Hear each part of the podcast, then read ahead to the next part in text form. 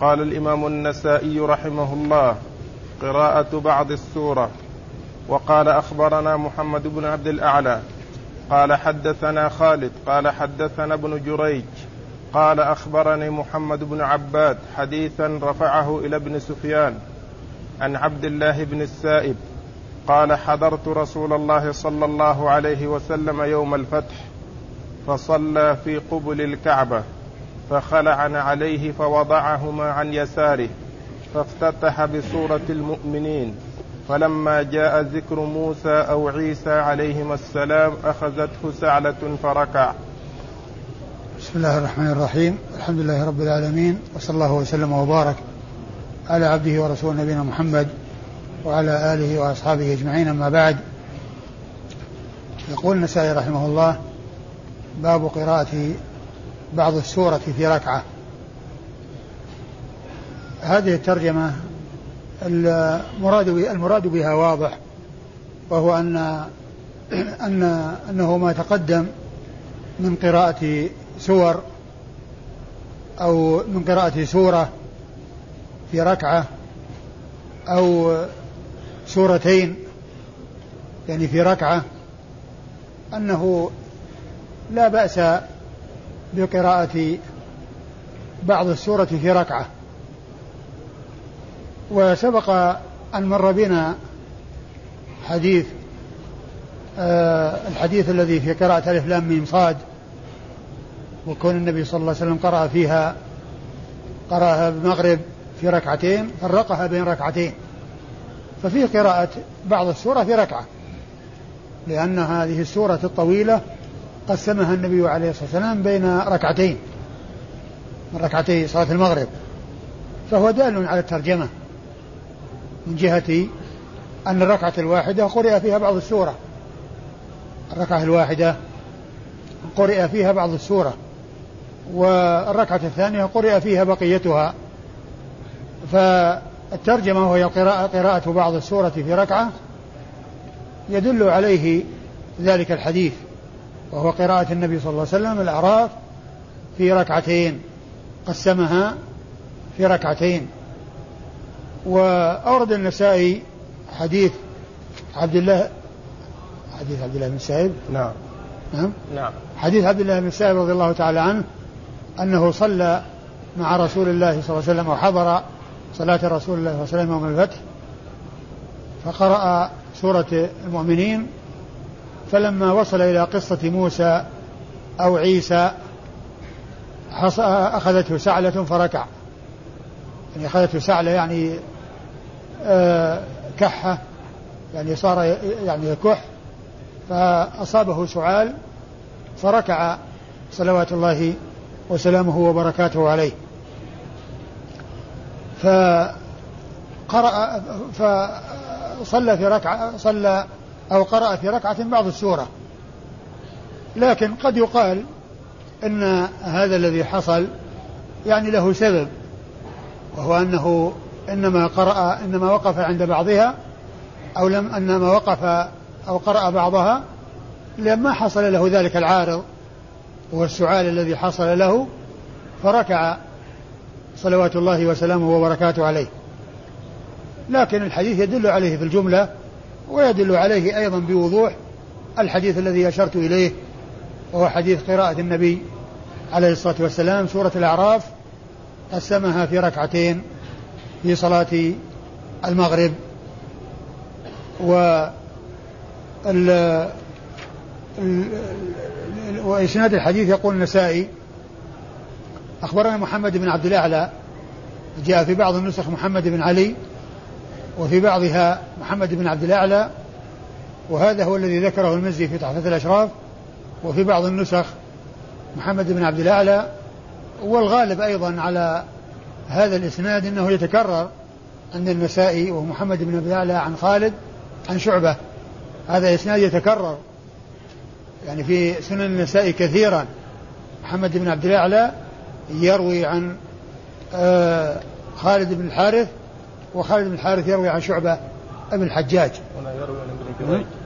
هنا عن ابن جريج نعم عن عن ابن جريج. لكن الرواية عن خالد آه كثيرة.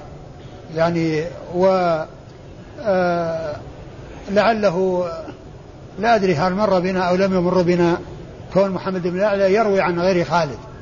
كل أو الذي أذكره من كل ما مر بنا أن محمد بن عبد الأعلى إذا جاء فهو يروي عن خالد أبي الحارث.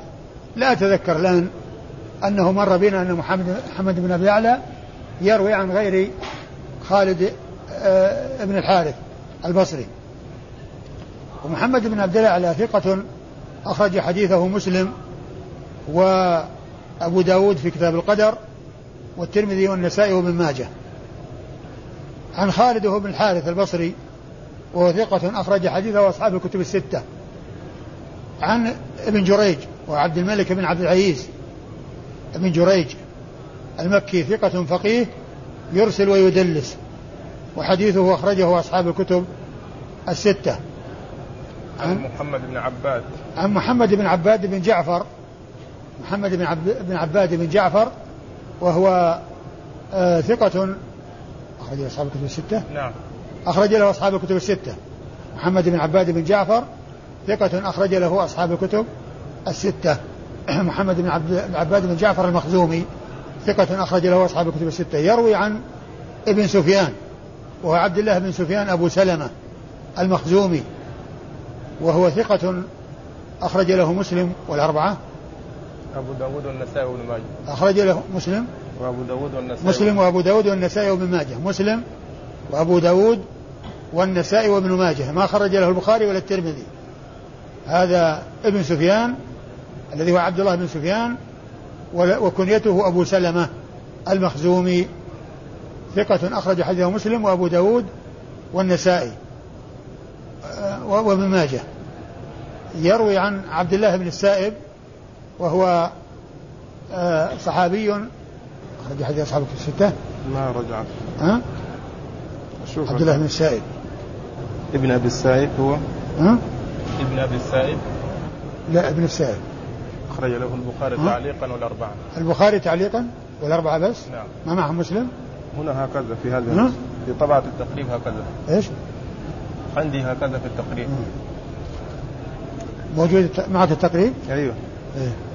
البخاري تعليقا وأصحاب السنن الأربعة. أيوه. بعده هو هذا عبد الله بن السائب بن أبي السائب عبد الله بن السائب بن أبي السائب بن عبد بن عبد الله. له ولأبيه صحبة. هذا هو؟ أين هو؟ هو ما في غيره. نعم البخاري تعليقا. أين؟ البخاري تعليقا هو وأصحاب السنن الأربعة. أيوه نعم.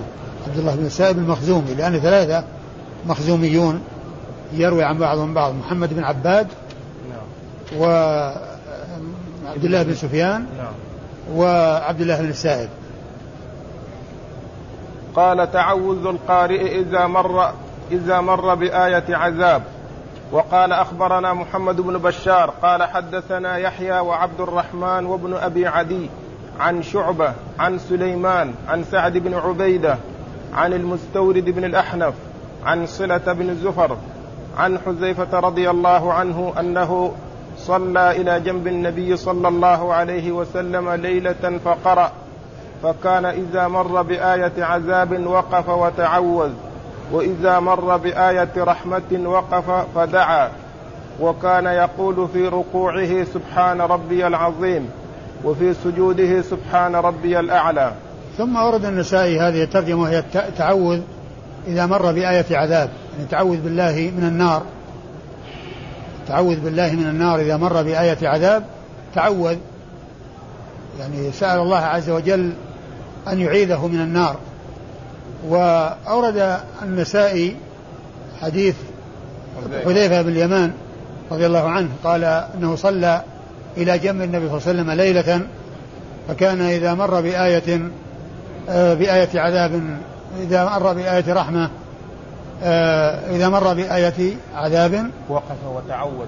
وقف وتعوذ وإذا مر بآية رحمة وقف فدعا. وقف فدعا.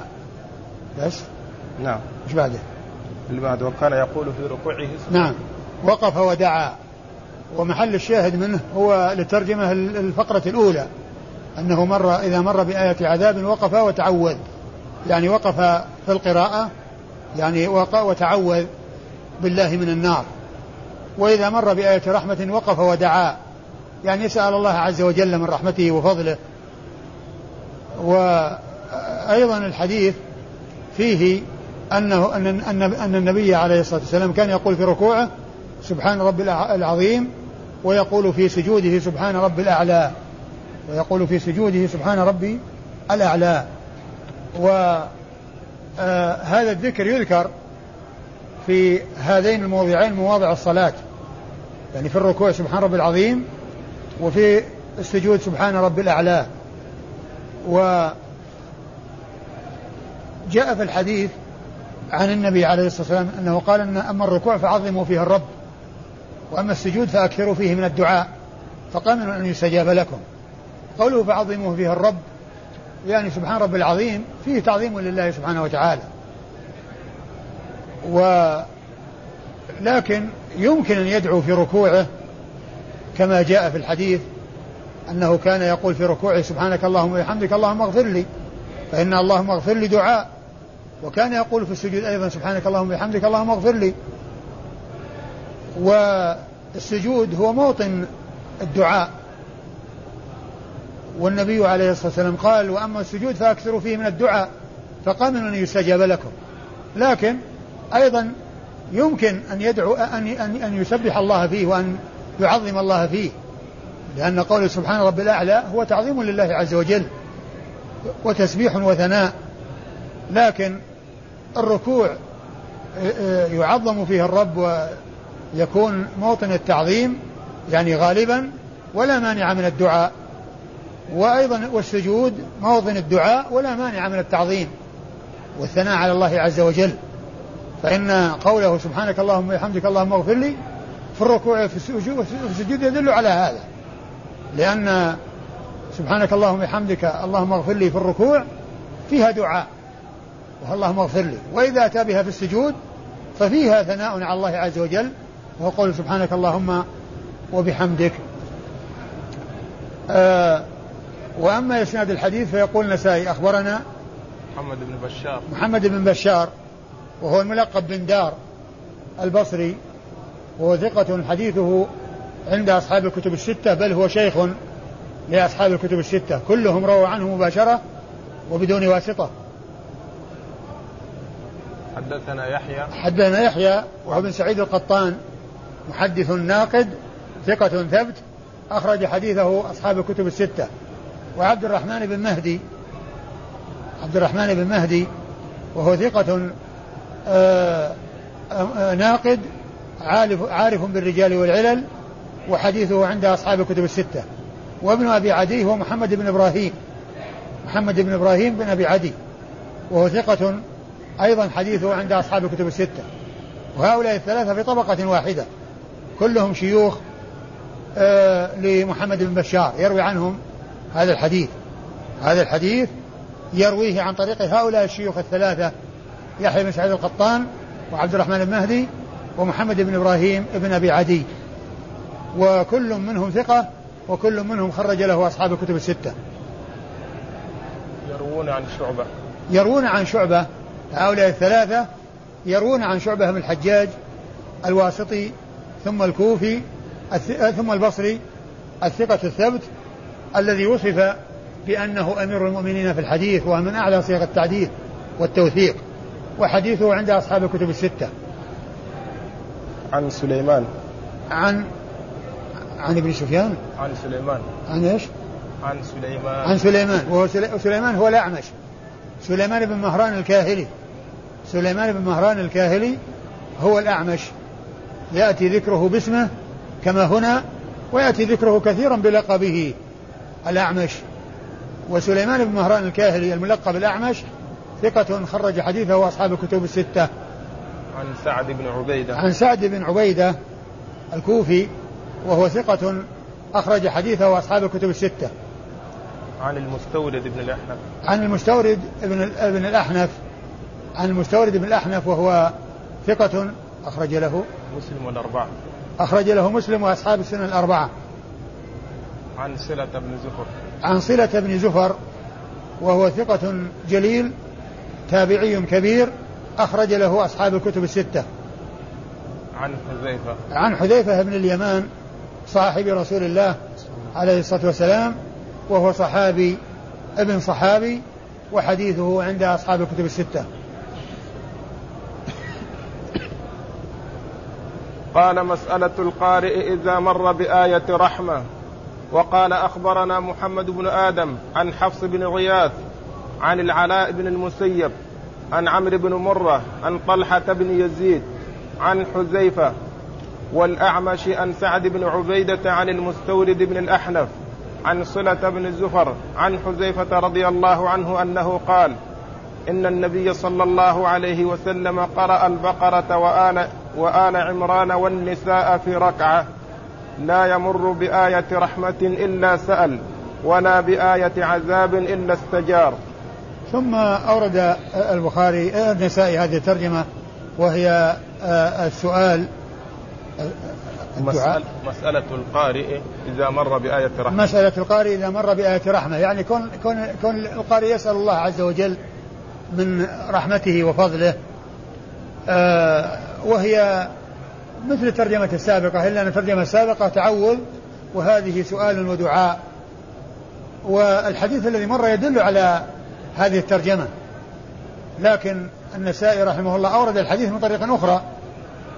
للاستدلال به على المسألة عند المرور بآية رحمة مرور القارئ بآية رحمة. وأورد في حديث حذيفة من طريق أخرى وأن الرسول صلى الله عليه وسلم قرأ البقرة والنساء وآل عمران لا يمر بآية رحمة إلا سأل ودعا ولا بآية عذاب إلا استجار. يعني طلب الله طلب من الله أن يجيره وأن يعيذه من النار ومن العذاب. و آه، وإسناد الحديث يقول النسائي فيه. أخبرنا محمد بن آدم. ثم الحديث يعني الحديث الذي مر يعني فيه أن ذلك كان في صلاة الليل وأنه كان صلى إلى جنبه يعني أنه مأموم يعني ليس معه غيره. يفهم منه أنه كان معه وحده. لأنه صلى إلى جنبه وهذا موقف المأموم, المأموم مع الإمام وإسناد الحديث أخبرنا محمد بن آدم محمد بن آدم ما أدري وقفت ترجمته ها؟ وقفت على ترجمته محمد بن آدم هنا في التقريب ها؟ هنا في التقريب إيه وش يقول؟ يقول صدوق أخرج له أبو داود والنسائي صدوق؟ إيه أبو داود والنسائي؟ إيه من بس ما رجعت التهذيب اليوم ها؟ ما رجعت تهذيب الكمال. إيه لا, لا هو هو ذكرها تريد يعني ها؟ ذكرها يعني في أي مكان؟ بعد قبل إسماعيل. قبل إسماعيل؟ فلان بن إسماعيل قبله. هذا في نسخة أوامر. إيه يعني عند الدال؟ عند الدال طبعا. عند الدال؟ إيه, إيه بس آدم يعني هذه يعني ألف وهمزة. يعني كان كان محله أن يؤتى به قبل أبان. هنا هنا ها؟ هنا عندك محمد بن إدريس ثم محمد بن محمد آدم. بن إدريس. أيوه بعده محمد بن آدم. أيوه. بعده محمد بن آدم. يعني كان ما اعتبر الألف الثاني شيء. أيوه نعم. لكن هو بعده محمد بن هو الأصل الأصل مثل هذا. نعم. يؤتى به قبل محمد بن أبان. نعم. لأنها ألف همزة بعدها ألف. نعم. فهو مثل أبان. يعني ألف بعدها باء وذاك ألف همزة بعدها باء وهذه همزة بعدها ألف. آه قال صدوق. صدوق. أبو داود النسائي. نعم. صدوق أخرج له أبو داود النسائي. عن آه حفص بن غياث. عن حفص بن غياث. وحفص بن غياث آه ثقة. ثقة. ما رجعت. الذي في البال أخرج له الجماعة. نعم. أخرج له الجماعة. ها؟ أخرج له الجماعة. ثقة فقيه تغير قليلا أخرج له الجماعة. أخرج له الجماعة. ثقة فقيه تغير قليلا أخرج له أصحاب الكتب الستة. عن العلاء بن المسيب. عن العلاء بن المسيب. نعم. عن العلاء بن المسيب. آه، إيش قال فيه؟ وهو ثقة ربما وهم أخرج له الجماعة إلا الترمذي. وهو ثقة ربما وهم أخرج له أصحاب الكتب الستة إلا الترمذي. أيوه. عن عمرو بن مرة. عن عمرو بن مرة المرادي. آه الكوفي وهو ثقة عابد أخرج له أصحاب الكتب الستة. عن طلحة بن يزيد. عن؟ طلحة بن يزيد. عن طلحة بن يزيد. وطلحة بن يزيد آه، قال عنه في التقريب وثقه النسائي.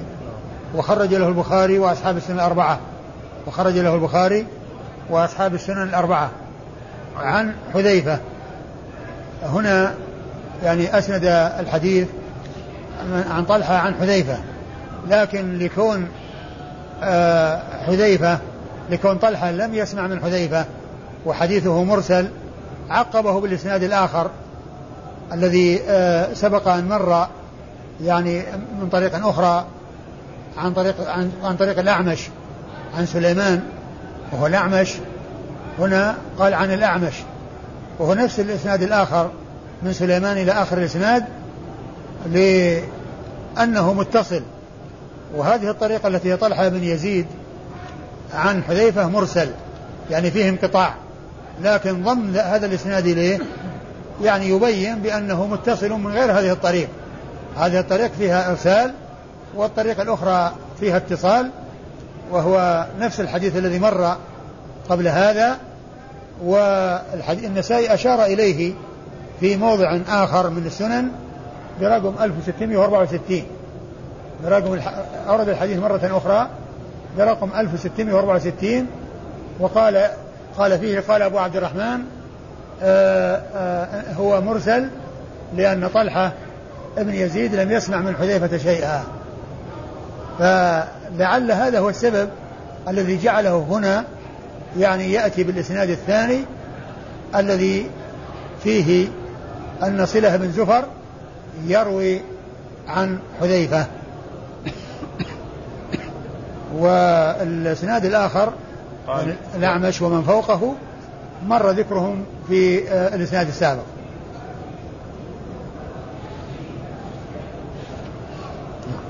قال ترديد الآية.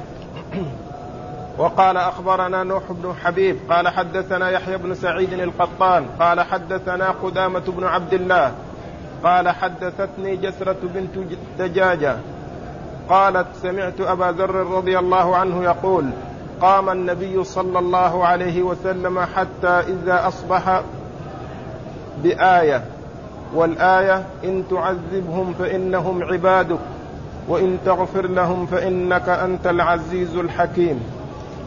ثم ورد النسائي هذه الترجمة وهي ترديد الآية.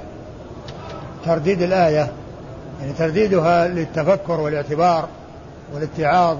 وتأمل معانيها آه هذا هو المقصود بالترديد لأنه آه آه يعني فيه تأمل وفيه اعتبار وفيه خشوع وخضوع لله سبحانه وتعالى عندما يردد الآية التي يكون فيها آه ثناء على الله عز وجل وأن الأمر أمره وكل شيء بفضله وكل ما يحصل فهو بعدله كل ثواب وكل خير فهو بفضله وإحسانه وكل ما يحصل بخلاف ذلك فهو بعدله سبحانه وتعالى وقد أورد النسائي حديث آه حديث أبي ذر أن النبي عليه الصلاة والسلام قام بآية حتى الصباح يعني حتى إذا أصبح يعني حتى الصباح يرددها وهي إن تعذبهم فإنهم عبادك وإن تغفر لهم فإنك أنت العزيز الحكيم. والحديث واضح الدلالة على الترجمه من جهة الترديد وتكثير الترديد والمقصود من ذلك كما هو معلوم هو الاعتبار والاتعاظ والتأمل والتفكر في آه، معاني كتاب الله عز وجل. ثم إسناد الحديث يقول النسائي أخبرنا نوح بن حبيب ونوح بن حبيب ثقة أخرج له أبو داود والنسائي عن يحيى بن سعيد القطان. عن يحيى بن سعيد القطان وقد مر ذكره قريبا وهو المحدث الناقد البصري ثقة آه ثقة ثبت أخرج حديثه أصحاب الكتب الستة. حدثنا قدامة. حدثنا قدامة بن عبد الله. قدامة بن عبد الله قال عنه الحافظ في التقريب مقبول وأخرج له أبو داود والنسائي. النسائي وابن ماجه. النسائي وابن ماجه. أخرج له أبو أخرج له النسائي وابن ماجه. عن جسرة. عن جسرة بنت دجاجة